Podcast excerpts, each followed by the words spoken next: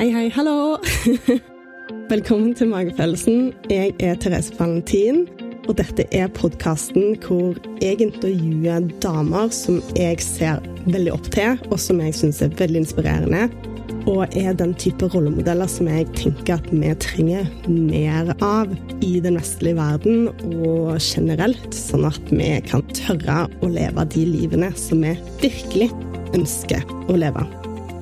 I dagens episode så snakker jeg med Veronica Tangen fra Wake Me Up. Det vi snakker om, det er å skape drømmelivet og drømmejobben. For vi har uutnytta ressurser i oss.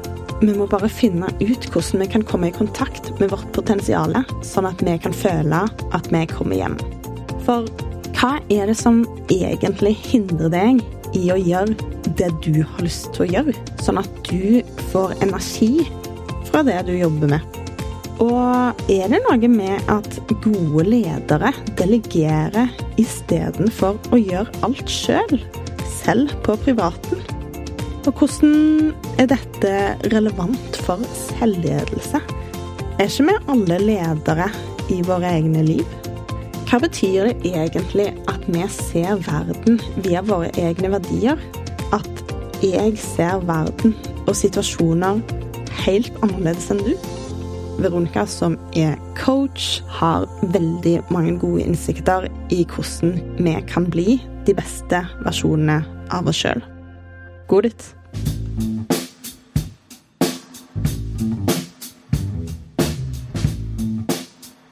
Så hyggelig å ha deg her i dag.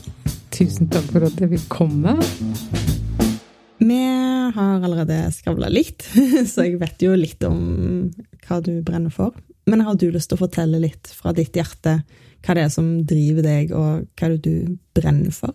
Eh, altså, det jeg brenner for, det er jo at eh, mennesker skal kunne skape seg et godt liv.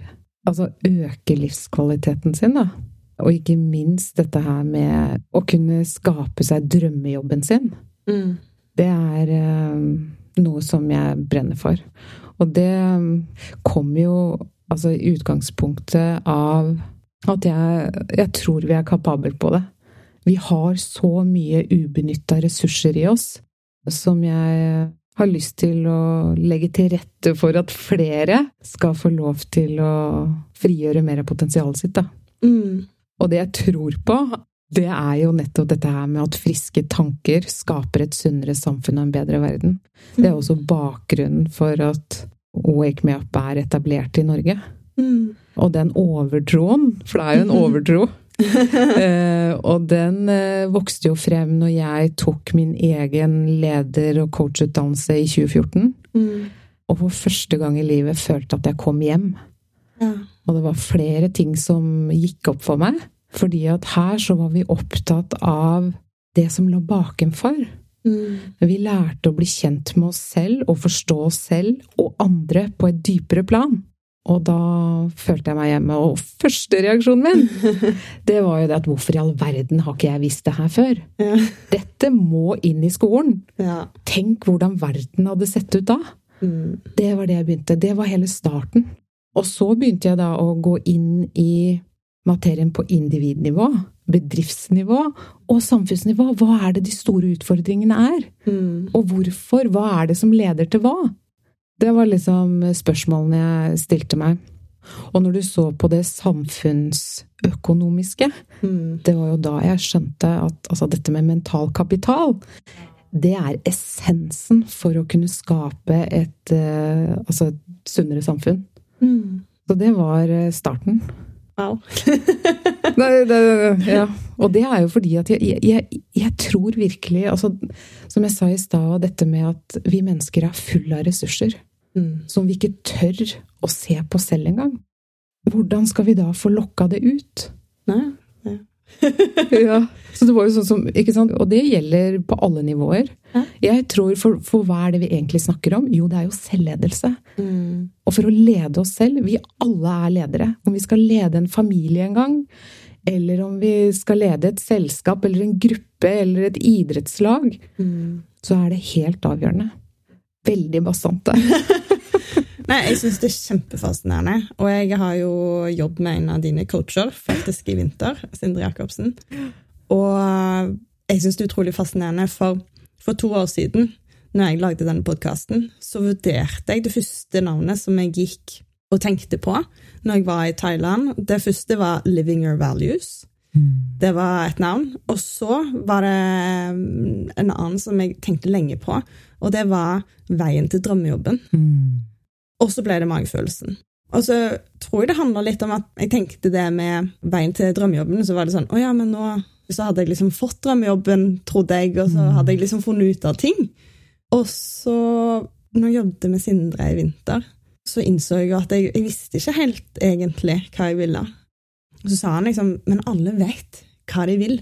Du må bare innrømme det for deg sjøl. Du må liksom tørre å innrømme det. Og det var ikke noe som bare landa sånn med en gang. Men nå så begynner det liksom å bare åpne seg. Og mm. sånn som du sier, mm. hvordan du plutselig føler at du har kommet hjem. Mm. Og, og eksen min òg sa liksom det når jeg starta podkasten, at han bare så det sånn jeg blomstra. Mm. Og det òg er noe med når du gjør noe som du virkelig liker, mm. som bare blir du så engasjert på en helt annen måte. Mm. Og har nok mye mer energi til å kjempe for det og, og få det til å fungere. Mm. Men jeg tror det er mange som aldri har opplevd akkurat det. Det tror jeg du har veldig rett i. Så hva, hva er det på en måte du Hvordan er det til å gå fram for å hjelpe folk med å for det første bli nysgjerrige? For du trenger nysgjerrighet for å gjøre den jobben, for det er jo litt jobb. det er det. Men, og samtidig, så hva er det som gjør at Hvordan mener du at folk kan gå fram for å er det en enkel vei, eller mener du at folk må gå den lange veien? Eh, ja, i hvert fall tenke over Altså spør mennesker som har gjort det sjøl. Mm. Det tror jeg er veldig, veldig viktig. Og så tror jeg det er viktig å virkelig gå i seg sjøl mm. og finne hva er det som egentlig betyr noe for meg? Mm. Hva er verdiene mine? Hva, hvilken impact ønsker jeg å skape? Mm. Hva ønsker jeg å gi tilbake til samfunnet? Mm.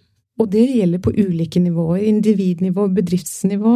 Hva er det vi egentlig ønsker å være en del av i bedrifter? Mm. Er dette en bedrift som jeg føler jeg ønsker å være en del av? Mm. Jeg tror fremtiden stiller mye, mye mer krav til bedrifter også. Mm. Ja, vi søker mening. Mm. Du ser bare nå under korona, altså 70 eh, i en spørreundersøkelse her nå, sa jo det at eh, de revurderer jobben sin. I forhold til at korona har jo pressa oss kanskje litt ekstra mm. på å gå inn i oss selv og kjenne etter. Mm. og kanskje funnet ut hva er det egentlig som betyr noe for oss. Mm. Så det er eh, en jobb, og det, er, og det å følge hjertet, det er ikke å følge en oppskrift. Mm. Det er um, helt klart. ja, det kan jo tidligst være veldig vanskelig å bare lytte til magefølelsen. Mm. Og det er veldig mange som ler av meg når jeg er sånn Jeg har ikke vært så god på å lytte til magefølelsen. Og bare sånn, åh, jeg skulle ha lytta til magefølelsen. De bare sånn Har ikke du en podkast? det er alltid lettere sagt enn gjort. Ja. ja. Men, um, men, jeg har jo kanskje lagd den fordi jeg har merket sjøl at det har vært vanskelig. da. Mm. Men mer og mer, når jeg stoler på ok, men det er noe som skurrer, det er noe som mangler. Jeg tror jeg skal være litt mer nysgjerrig og stille meg sjøl noen flere spørsmål, eller andre litt flere spørsmål. Mm. Gi meg sjøl litt mer tid. Mm. For det som jeg kanskje har merket med meg, hvis jeg har hatt en litt sånn rar magefølelse, at jeg har blitt litt redd, mm. og at jeg kanskje ikke har stilt de spørsmålene. Mm. At det har vært et ubehag som jeg har ville bli litt kvitt, mm. istedenfor å tenke hva er dette? Mm. Hvordan kan jeg være nysgjerrig? Hvordan kan jeg finne løsningen? Og så kan det da være at jeg ender opp med et svar som ikke det som er det enkleste, mm. men som gjør at jeg får det bra på lang sikt. da. Mm. Men det er øving. ja, absolutt. Uh, ja, og det å, å kanskje koble og, og tørre å lytte bare til seg selv. Mm. Og ikke høre på alle andre rundt deg. Mm. Både av venner, familier, forventninger. Mm. Det må bryte, og det ser jeg at mange syns er utfordrende. Jeg selv mm. syns det var kjempeutfordrende. Mm. Jeg gikk og holdt brystene tett til. Folk trodde jo jeg var gal. To barn. og alene. Mm. Og skulle starte opp og selge huset og Jeg turte ikke å si det. Nei. Hvor lenge da? Bare gjorde du det? Nei, dette var jo nøye eh, planlagt fra min bare- side. Ja, men Ja. Bare gjorde du det uten å fortelle noen andre, og så fortalte Ja. du det etter du hadde gjort det? Mm. Men jeg hadde en plan. Mm. Jeg visste hva jeg ville. Jeg hadde gått i meg sjøl og ja, nøye planlagt uh, hva jeg egentlig ønska å gjøre, og ikke minst visjonen. At den kom til meg. Mm. Og da var det også å legge en plan for den visjonen. Mm. Og da er det noen grep man må ta på veien. Mm. Og det er sånn Hva er du villig til å ofre Ja. for å få det til? Så ja. Og spesielt i Norge. Jeg eh, bor i et kollektiv som jeg elsker.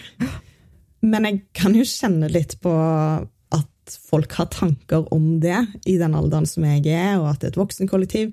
Men jeg syns at det er helt nydelig. Og jeg har jo gjort det mye fordi Ja, OK, jeg vet ikke helt hva, hvor jeg skal være om fem år. Og så er det noe med hvordan jeg ønsker å prioritere pengene mine og tiden min. Fordi For meg så har det vært litt sånn ok, å, å eie det er òg et stort ansvar, det er mye jobb. Og så kan du ende opp med å flytte en plass som du ikke har lyst til å bo, som gjør at du er veldig låst. Mm. Eh, Men det, altså Jeg vet at våre situasjoner er ulike, men jeg tror bosituasjon i Norge det er noe som det er veldig stort fokus på. Det er kanskje en av de tingene som alle er enige om. Du må eie din egen bolig, og når du har familie, så burde du liksom gjøre ditt og datt. Og, men det å liksom bare gå sin vei, det har jeg òg kjent på at det å liksom eie opp til det altså, Ja, men jeg gjør det som føles rett for meg. Mm. Jeg har det bra. Jeg trives med dette, liksom. Og det er jo det viktigste. Ja. Mm. Men er, eh, du inspirerer andre ved å, ved å gjøre det òg. ja. Så det er så fint å se de ringvirkningene. Men det du sa også i forhold til det med tid Mm. For det, jeg hadde jo hus og hage, eller rekkehus og hage, og det krever jo sitt. Mm. Og det var sånn elsker hage, men er jeg villig til å bruke tiden min på å holde det styr? For jeg satt sånn med en følelse av at jeg aldri rakk over. Det var vasking, det var innkjøp, det var holde styr på alle ting. Er det det her jeg ønsker å bruke tid på? Nei. Dette er viktigere for meg. Det å skape. Mm. Det elsker jeg med gründerverden, for at jeg bare møter flere og flere gründere som ser veldig på tid som penger. Mm. Så er det sånn Jeg liker ikke å vaske. Mm. Eh, og ja, faktisk en kompis av meg vurderer å få au pair, fordi at han, han fant ut Han er veldig mye hjemme med sykt barn. Mm. Og han liker veldig godt å jobbe. Så, og det er liksom Det er sånne måter å tenke på, eller liksom å handle og lage mat. Altså ting som du egentlig kan outsource, men som jeg i Norge føler er litt sånn Nei, hvis du er et godt menneske, så gjør du alt sjøl. Men, men hvorfor det? Hvorfor kan du ikke outsource det som ikke gir deg noen glede? Mm. Og hvis det gir deg glede, er det fint for deg. Gjør det, liksom. Um, alt det er jo prioriteringer. Men hvis du har lyst til å heller jobbe litt mer, eller gjøre noe annet, så Mm. er ikke det egentlig bare bra. Tilbake til dette med ledelse, da. Mm. Når vi ser på gode ledere, hva er det de gjør bra? Mm. Det er jo å delegere, Mm. ikke sant? Det du ikke selv kanskje er god på, eller det når du skal bygge team, så handler det om å bygge et team som utfyller hverandre. Mm. Og det gjelder jo også på individnivå. Mm. Ikke sant? Istedenfor at vi skal slite oss ut med både cookies, altså hele planet. Altså, jeg kan være flink til mye, jeg, Ja. men hvor er det jeg får energi? ja. Det er det som er viktig. Og jeg møtte jo veggen. Mm. Og jeg prøvde jo å være superkvinne. ja. Men det var jo det som fikk opp mine øyne også. Mm. Fordi jeg, jeg er litt sånn potet. Jeg er veldig uredd og er ikke redd for å heller være nybegynner. Men, men det har også en konsekvens. Mm. Så sammen med det å lære å si nei, da. Ja. Men det farer med hvis du er potet og får ting gjort, så kan du òg bli satt til å gjøre veldig mye som du ikke egentlig får noe glede av. Og jeg tror det er mange som handler i den fella i arbeidslivet at de gjør masse som de er gode på, men som de ikke liker å gjøre. Mm. Og kanskje det- spesielt kvinner, Ja. kan jeg se for meg. Og det tror jeg, ja, ikke sant? Og det er der jeg tror fremtiden vil endre. Sånn som vi gjør i Wake Me Up òg. Det er at å skal tre en boks nedover folk Mm. som de skal fylle ut, Mm. istedenfor at de skal gå i seg selv Mm. og finne hva er det som virkelig gir meg energi. Tenk ringvirkningene av det. Mm. Det er det jeg ser for meg å bygge en organisasjon på. Yeah.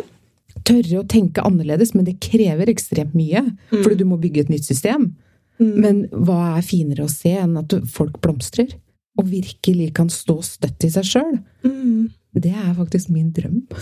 Ja, jeg bare Det er en del av meg som ikke helt klarer å forstå at dette ikke er noe som det er mer fokus på i organisasjoner. At organisasjoner ikke klarer å se på det å investere i mennesker Mm. som en investering, som i noe som gir verdi, mer verdi, mm. på sikt, Mm. istedenfor en kostnad og bortkasta tid. Og liksom, nei, det har vi ikke tid til. Mm. Så det mangler jo tydeligvis mye forståelse og kunnskap om dette. Mm. Jeg tror det er den fasen vi kommer til å gå inn i nå. Mm. Har det veldig mange bedrifter som har starta med, med dette med trening.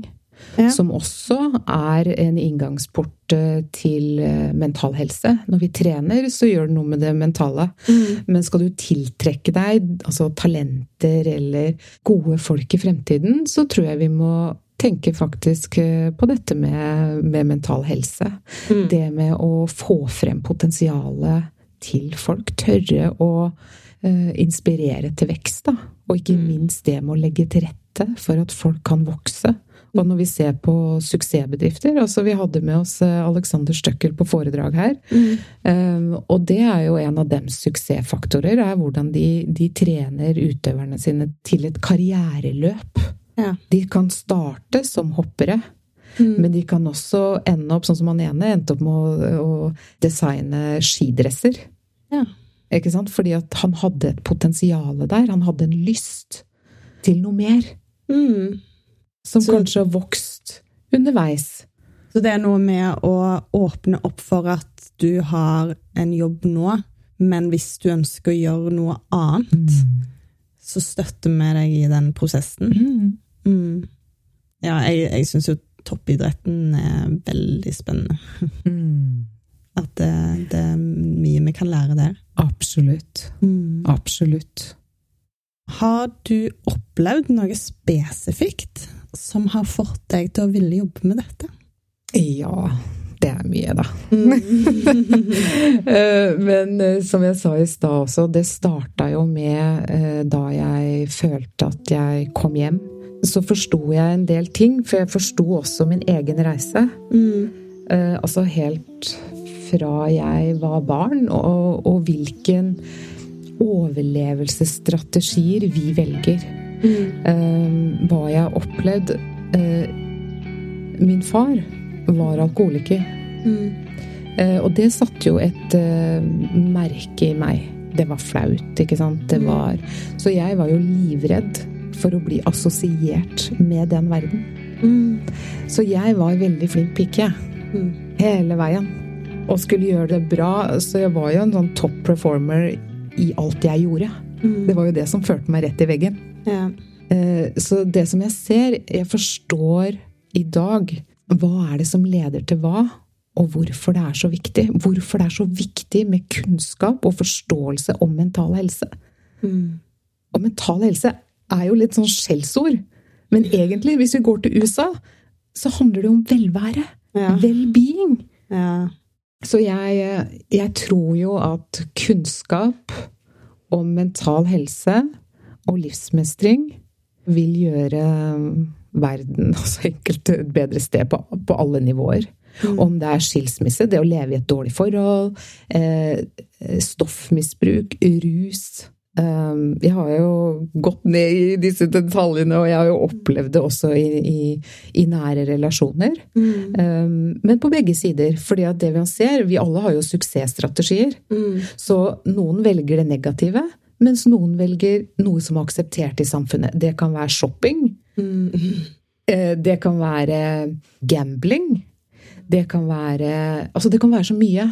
Det er det jeg sier, alt med måte. Mm. Så fort. Og det handler jo egentlig om å outsource også vårt eget velvære. Mm. Og det er sånn jeg tror på Vi har alt i oss selv. Det, det vi trenger for å ha det bra, det har vi i oss selv. Det høres rart når jeg sier det, men hvis vi kjenner etter, for vi har et ressurssenter og en tilgang på mye fint. Mm. Jeg tror en viktig ting som du glemte der, det er jo å jobbe og studere. Mm. For der føler jeg at eh, det, det går status i å jobbe mye og være opptatt og være flink pike. Mm. Og det bekymrer jo meg litt, fordi at vi ser på de generasjonene som vokser opp, som kanskje nå som bedre enn f.eks. når jeg vokste opp. For at vi festa nok mer og gjorde en del teite ting. Mm.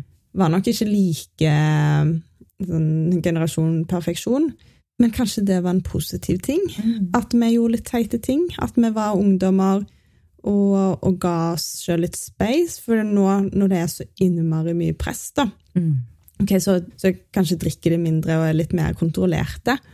Men det å ha så behov for kontroll på seg sjøl, Mm. det bunner jo veldig ofte i en frykt, Mm. er min erfaring. Mm. Ja, så det interessant. Ja, det tror jeg jo at vi er i et skifte. Det handler Livslang læring. Ja. Verden er i ekstremt utvikling. Mm. Så det å skynde seg til noe, Mm. og skal oppnå det ene og det andre, og det ser vi i forhold til siste undersøkelsen i forhold til ungdom også, Mm. hvem er det som plages mest? Mm. Det er jo de med toppkarakterer. Ja. Ja, på generelt basis. Og det der med å ikke være god nok, hvem er det som presser? Hvor kommer drivkraften fra i forhold til karakterer? Er det egne drivkrafter? Er det andres forventninger? Mm. Det å løsrive seg litt tror det er kjempeviktig i tiden som, som kommer, for å få det bra, rett og slett. Mm. Og det ser vi når man skal ha en, en jobb òg, hvor viktig det er. Og det å være inspirert fra innsiden Mm. Istedenfor motivasjon, altså ytre stimuli for å Mm. oppnå noe, da. Og det kommer igjen Hvilket liv ønsker vi å leve? Mm. Vi har kraften i oss da til å designe det livet vi ønsker oss. Mm. Men når jeg sier det, så handler det om å bryte litt tabu, forventninger, Ja, ja. og, og gjøre en skikkelig opprensning, da. Mm. Det jeg lurer på Vet du om det finnes noe statistikk, og det, det gjør det sikkert, men eh, det er et litt sånn rart spørsmål, men hvor mange som gjør ting ut av frykt istedenfor inspirasjon? Fordi at jeg har et menneske i livet mitt nå som hvis jeg ikke gjør ting på hens måte, så blir jeg redd for å få kjeft. Og så er det jo andre personer som jeg gjør ting for fordi at jeg har lyst. Mm. Fordi at jeg har lyst til å glede dem, og fordi at de ikke Ja, de har ikke en forventning som Altså, de bare er fornøyde, liksom, og sånn Å, så, så hyggelig, og um, Og det kan jeg se for meg fins mye på arbeidsplasser og på skole, i familier, at du føler at, ja, at du går rundt litt på sånn uh, eggshells. Ja, ja. og, og det er jo noe som det kanskje er snakket om i parforhold, men ikke så mye kanskje på arbeidsplasser og, og i andre situasjoner. Ja, den frykten for å skuffe. Og at den, ok, Noen ganger så er den jo veldig intens, men det finnes sikkert en stor grad av det bare at det ikke liksom at det er litt frykt. Ja, det, det er jo en gjenganger. Ja. Uff. Altså, jeg kan snakke sånn på generelt eh, basis. Så er jo frykt eh, noe som, som er naturlig for oss mennesker. Mm. Når eh, noe ikke er som vi forventer, utenfor normen eller For det er jo et instinktiv i oss. Mm. Altså i forhold til fare ja, langt tilbake i tid. Og sånn som hodet også fungerer, så er det jo Skal beskytte oss for fare. Mm. Og når vi, jeg tror når vi setter opp disse illusjonene på hvordan verden skal være, og at min sannhet Så truer vi på en måte andres sannhet ved å gå våre egne veier òg. Mm. Vi er jo en generasjon oppvokst i frykt. Mm. Ikke sant? Sosiale altså aviser For å få klikk i media, ikke sant, så er det frykt. Mm. Men, men det er et veldig stort tema som ikke jeg har lyst til å gå inn på her. Nei, det går helt fint. Og hvordan vi fungerer som mennesker når det gjelder frykt. Det er det som kommer til oss først. Mm. Og det å forstå hvorfor det kommer, og hvorfor det er her. Mm. Hvordan sinnet vårt fungerer, og hvilke tanker vi skal velge Ja. å handle på, Mm. det tror jeg er helt avgjørende. Fordi at det å forstå hvilke illusjoner vi lever i, alle sammen, og det å forstå at det er ikke en sannhet, det er et perspektiv på noe, det var en sånn eye-opener for meg. Fordi at det er så mye som fører til det verdensbildet. Mm. To personer kan oppleve samme situasjon totalt motsatt. Ja. Og det er ofte gjennom verdier. Vi ser verden gjennom våre verdier. Og vi kan gå på et stort foredrag, Ja. ikke sant? og ha med deg en ved siden av deg, og høre hva var det vedkommende tok med seg fra foredraget. Så er det vidt forskjellige ting. Det er vakkert. Ja.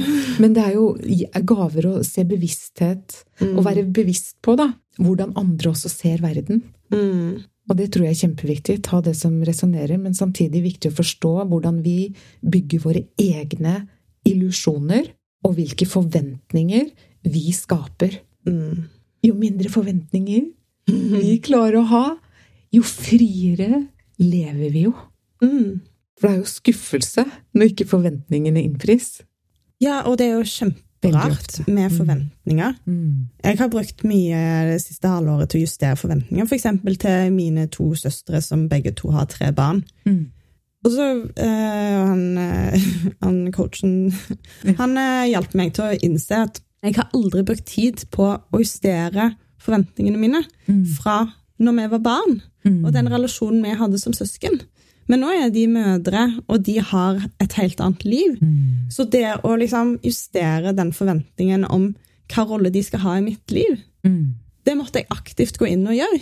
Og etterpå så klarer jeg å se liksom bare Å ja, nei, men det går helt fint, for jeg, jeg har ikke lenger de forventningene om at vi skal ja, ha den samme relasjonen som vi hadde for 10 år siden, 20 år siden, 30 år siden. Ja. Tror jeg er veldig viktig. Ja. Ja. Men òg å gjøre det i alle områder av livet, da. Til, hvis, når ting endrer seg, eller Ja. Hva er coaching?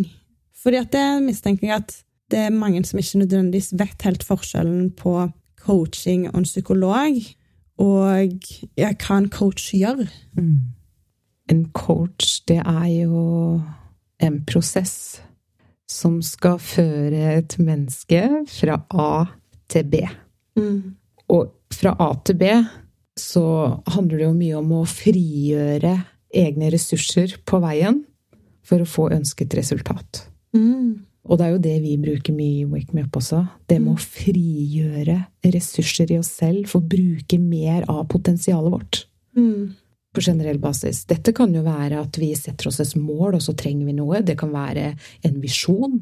Ikke sant? At vi ønsker å skape en visjon. Så coaching er jo mye, men det er jo prosesser fra A til B. Mm. Og så er det jo i en coachingprosess også, så er det noe med at eh, det kan være frykt, ikke sant, som vi var inne på i sted, Mm. som holder oss tilbake. Og da tar vi tak i den frykten og jobber med den. Alt som holder deg tilbake i livet for å frigjøre eh, potensialet og drømmene dine, egentlig. Mm. Det er det vi, vi jobber med som, som coacher, da. Så du går litt inn i ubehaget, Ja. inn i det som er vanskelig, og prøver å Ja. finne ut liksom, kilden til det, og hvordan du kan ja, ikke være så redde. ja. Mm. Og det at vi hele tiden skal gå fremover. Det er jo det coaching handler om. Gå fremover. Og som psykolog så blir det jo mye fortid. Mm. Eh, Vi er opptatt av nåtiden Mm. og fremover. Men vi er i tillegg til. Mm. Ja. Det som jeg har tenkt på med coaching, som jeg syns iallfall er fint med det, er at jeg opplever at det fremdeles for mange er veldig tabu å gå til en psykolog. Mm. Sånn at en coach kanskje kan være en lavere terskel for folk å starte å jobbe med seg sjøl. Og så kan det jo være at det er noen som finner ut at de trenger mer hjelp. Det har jeg opplevd Mm. når jeg har jobbet som mentor sjøl. Mm. At uh, de kanskje trengte en psykolog Mm. som hadde den kompetansen. Men det å gjøre noen da nysgjerrige på, liksom, ja, på seg sjøl, det er jo Mm. kjempeviktig. Mm. Absolutt. Jeg mener jo at alle bør ha en coach Ja. og mentor. Ja. Og du ser jo altså de som altså får det til, da, å, å, å skape seg Og med det så mener jeg skape seg et godt liv. Mm. De har jo flere. Mm. De har jo ett på hvert område. Mm. Og det er ikke det at du skal være avhengig av coach, men det å ha noen som virkelig ser potensialet og forstår Mm. hva du vil med livet ditt, Ja. Det tror jeg er, eh, kan være avgjørende da, for mange. Ja. Så, og så er det jo det å finne den som er riktig for deg. Det er jeg Mm. også veldig veldig opptatt av. Mm. For alle passer ikke til alle. Og sånn som vi òg, det er jo det vi legger vekt på. Mm. Det må, for vi vet at prikken over i-en, det er kjemi. Mm. Og vi vet det, at vi kan ikke se andre enn vi klarer å se oss selv. Og det å skape det rommet Altså mange ungdommer i dag da, som kommer til oss, så er det en sånn gjenganger at de ikke faktisk kanskje blir sett. Og de, mange av ungdommene er jo så kloke og fine. Mm. Så jeg tror det er helt avgjørende. Mm. At de har blitt misforstått. Ja. Mm. De, de har, noen av de har en så dybde som ikke blir sett eller forstått. Mm.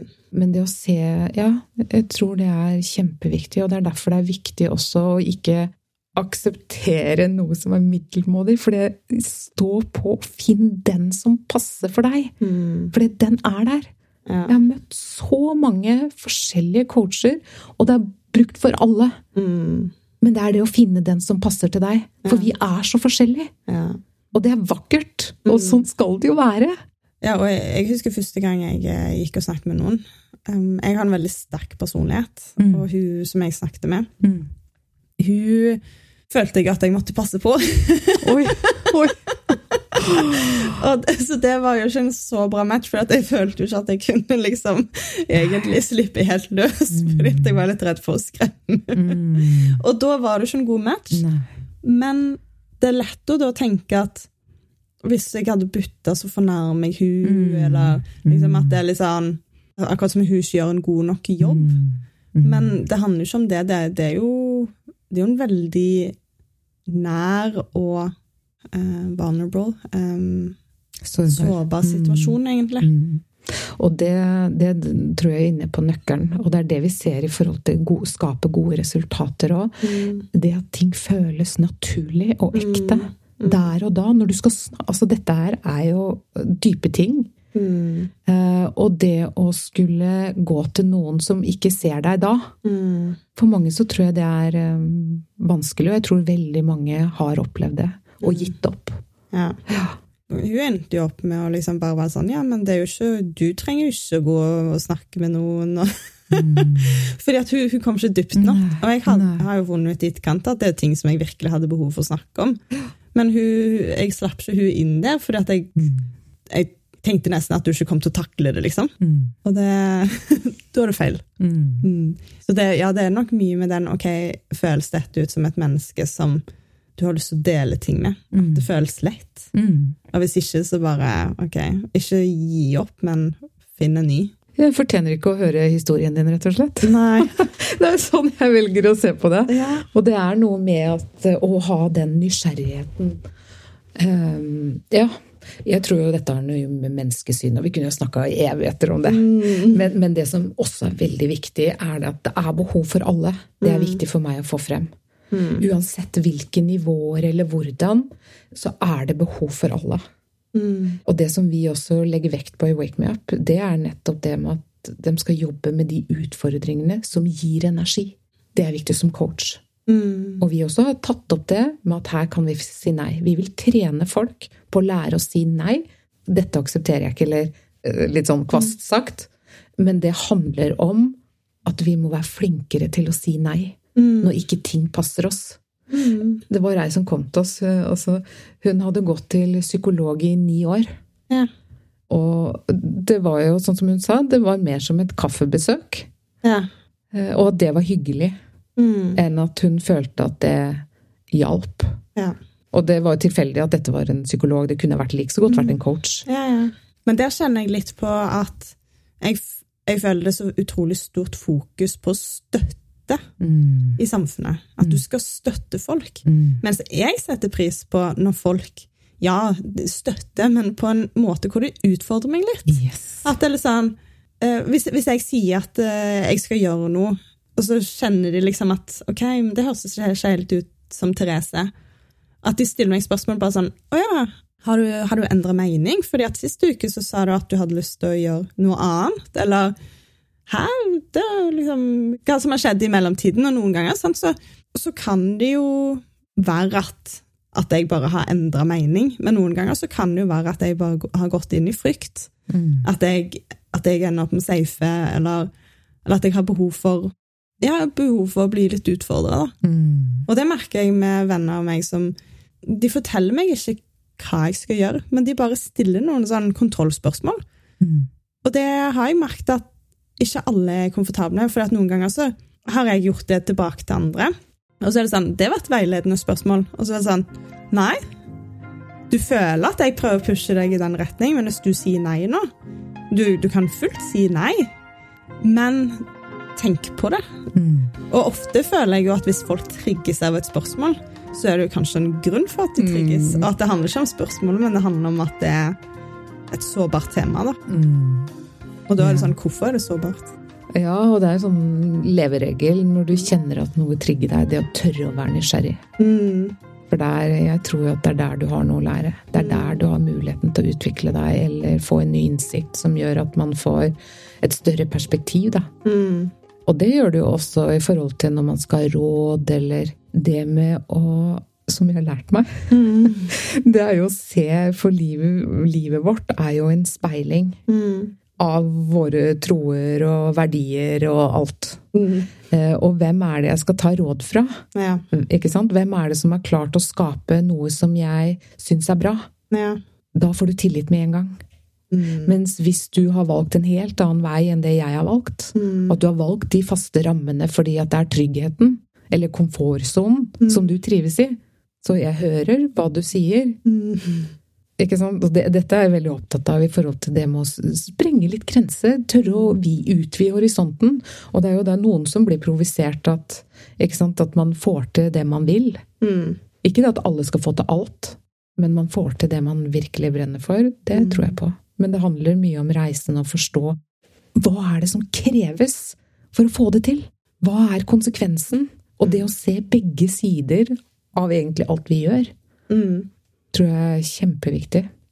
Og der tror jeg for min del at jeg kunne ha trengt mer veiledning. For noen ganger, spesielt når jeg var ung, så føltes ting veldig uoppnåelig.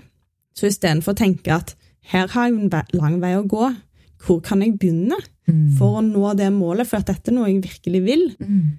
så tror jeg det var lett å tenke litt sånn Nei, det er ikke for meg. Mm. Og det har nok jeg eh, Jeg tror når jeg var ung, så var jeg, tenkte jeg nok litt sånn. Jeg, kanskje fordi jeg, jeg var liksom ikke så interessert i skole. Mm. Og jeg fikk jo til mye, men jeg, jeg tror nok at jeg, jeg bare tenkte at det kom ikke til å bli så mye ut av meg, fordi at jeg hadde jo ikke liksom toppkarakter i alt, og det, jeg kunne kjede meg egentlig i enkeltfag, og kunne være litt rampete og fokusere på andre ting. Mm. Og jeg kan se for meg at det er mange som opplever det, som da i barndommen bare tenker at jeg er ikke et menneske som kommer til å gjøre så mye, så mye stort. Mm. Men når jeg ser tilbake, så var det jo andre områder hvor jeg var veldig god, og hvor jeg faktisk egentlig gjorde mye av det som jeg har lyst til å gjøre nå. Mm. Men det var kanskje ikke noen voksne som fikk meg til å, å se det godt nok. Mm. Og liksom heve liksom Her er du veldig sterk. Mm. Og ja, Ja. dette er kanskje noe du Hvordan kan du bygge på det? Mm. Mm. Og der, eh, det er jo veldig viktig, det du er inne på der. Mm. Eh, og jeg tror nok det er disse boksene igjen. Mm. Ikke sant? At vi skal passe inn i de bokser, vi skal være gode i alle fag, men det vi ser nå inne i skolen, sånn som spesielt læreren til eh, min datter, Mm. hvor fokusert han er på de fagene som hun er god på. Mm. Og det rører hjertet mitt. Ja. Igjen. Fordi at det handler om at vi kan ikke være gode på alt. Nei. Selv om hvor mye vi trener. Det er galskap. Mm. Eller ha interesse for alt. Ja. Ikke sant? Og det er, det er noe, igjen, dette med lidenskap. Ja. Altså, når du ser man bygger store ting, så ser, har du sikkert sett den der, eh, det isfjellet Har du sett, det er et sånt bilde som går med et isfjell hvor toppen syns, som alle ser, Mm. men du ser ikke hvor mye jobb som, som ikke er synlig. Mm. Og det tror jeg gjelder med alt. Og når du hører folk som har skapt eh, suksessbedrifter, eller noe enn det skal Mm. være Hadde du gjort det igjen? har du snakka med, en- med en gründer, for eksempel, som har gjort suksess? Nei, dette var siste prosjektet, ofte når de er ferdig. Ja. Ikke sant? Fordi, fordi det krever mye å gå sine egne veier og skal skape. Mm. Men derfor viktigere med dette her med å ha en visjon, det med å kjenne på det indre drivkraften, det tror jeg er helt avgjørende for å lykkes. For det tar tid. Mm.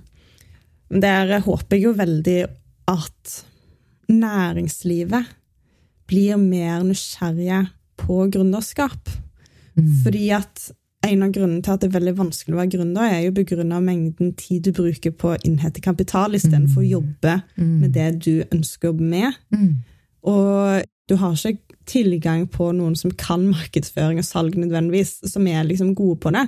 Men hvis du hadde da Hvis det hadde kommet mer inn i selskaper, og at de bar det litt opp, så hadde du hatt mye Eller helt andre ressurser, da. Mm. Så jeg håper jo litt på at vi ser litt endra struktur, og at store bedrifter med masse ressurser tar litt mer ansvar. Kanskje litt mer risiko. Mm. For det er synd at det skal være så tungt å være gründer. Ja, absolutt. For det er jo en av de tingene som jeg brenner veldig for. At jeg tror at vi trenger mye innovasjon, og folk som tenker nytt og annerledes, og, og tar på seg de hattene. Mm. Men jeg forstår jo òg at mange blir skremt, Mm. hvis du skal inn i det. Så jeg regna på Hvis jeg skulle ha hatt en lønn på 650 000 kroner og jobbet som gründer, så må du ha en inntekt på rundt to mill. Fordi at det, sant, det kommer ekstra kostnader og det er relatert til det. Og det tror jeg det er veldig få som innser. Mm. At det er litt sånn Å, tjente 50 000, og så er det sånn Ja, men ha kostnader! Koster ganske mye å ta ut lønn. Ja. Avsporing. Helt annet tema. Ja, men det er veldig interessant Ja. ikke sant? i forhold til uh, trygge, gode bedrifter. Uh, vi lever i en verden med store endringer, og det med innovasjon, det, det er uh, veldig viktig for fremtiden. Ja. Og det er jo en av grunnene til at jeg tenker at det er viktig at folk er, har en sterk mental helse, Mm. og, og forstår sine egne reaksjoner, Mm. og, um, og andres reaksjoner. Mm. Det er helt avgjørende, og det har jeg tenkt mange ganger på. At eh, ja, jeg har jo vært med og starta selskapet før, men å starte en eh, ideell organisasjon er kanskje enda tøffere. Ja.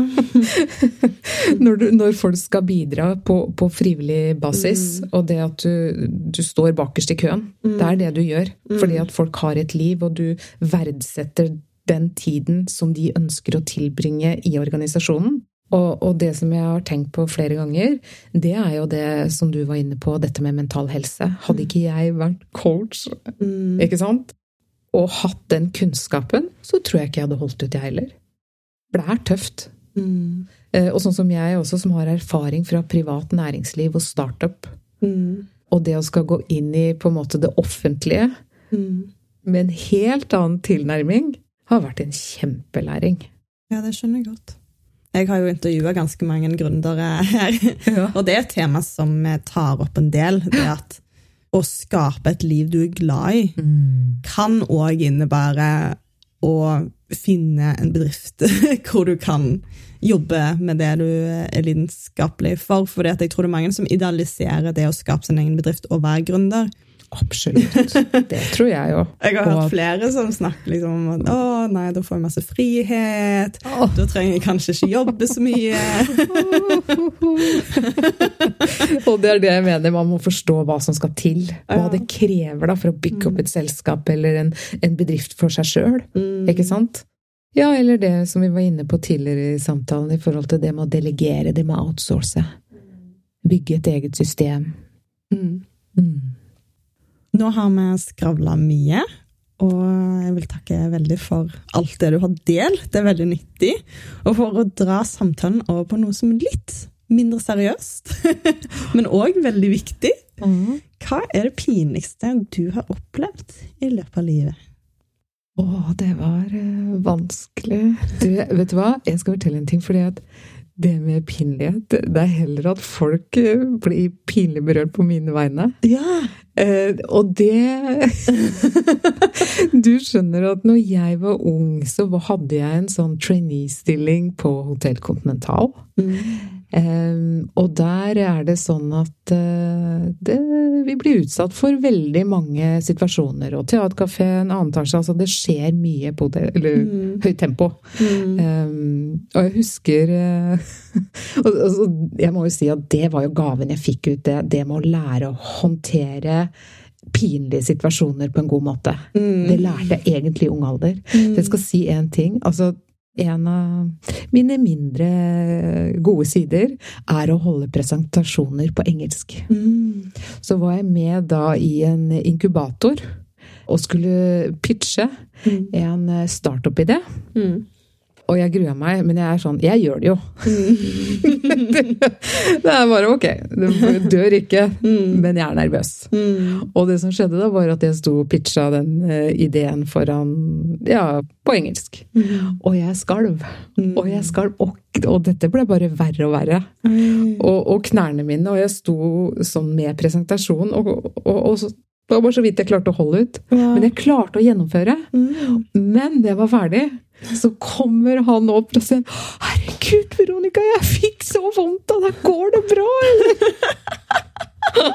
og jeg bare Jeg gjennomførte i hvert fall. Men det er det å ikke ta seg selv så høytidelig.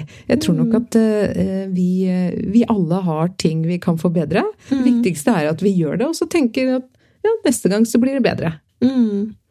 Det er modig. Der tror jeg det er mange som kan slite litt. Men jeg tror vi blir så selvbevisste med sånn Jeg har tenkt på så mange ting som vi prøver å skjule for andre. Ja. For, men det er jo bare en del av det å være menneske, og alle har jo Folk flest har vært veldig nervøse for å presentere på et eller annet tidspunkt, og så har de lært seg det. Og noen lærte det kanskje på barneskolen, mens andre må lære det i voksen alder.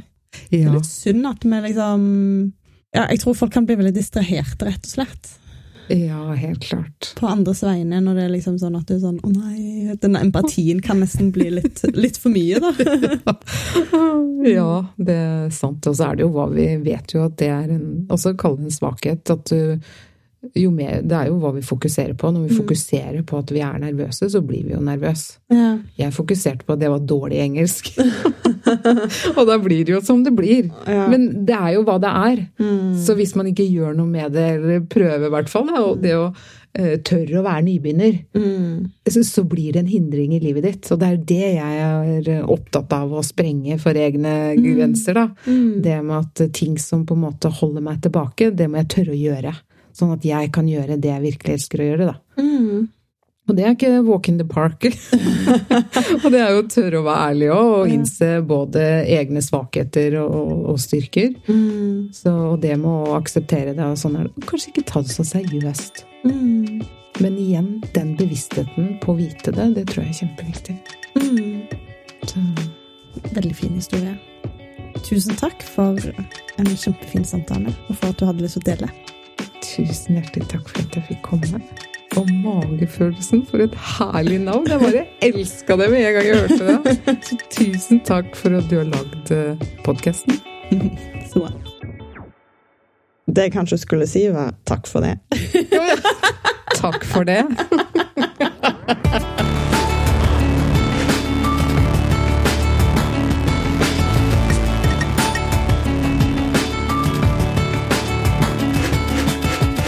du likte denne her episoden, så håper jeg at du ønsker å lytte til noen av de andre episodene mine, som ligger overalt der du kan lytte til podkast, og at du legger igjen en tilbakemelding eller en stjerne på Apple Podkast, sånn at jeg kan nå ut til enda flere med disse fantastiske historiene til disse damene. Det var alt for meg i dag. Lag deg den dagen du ønsker å ha i dag, etter de behovene som du faktisk har. Vi snakkes!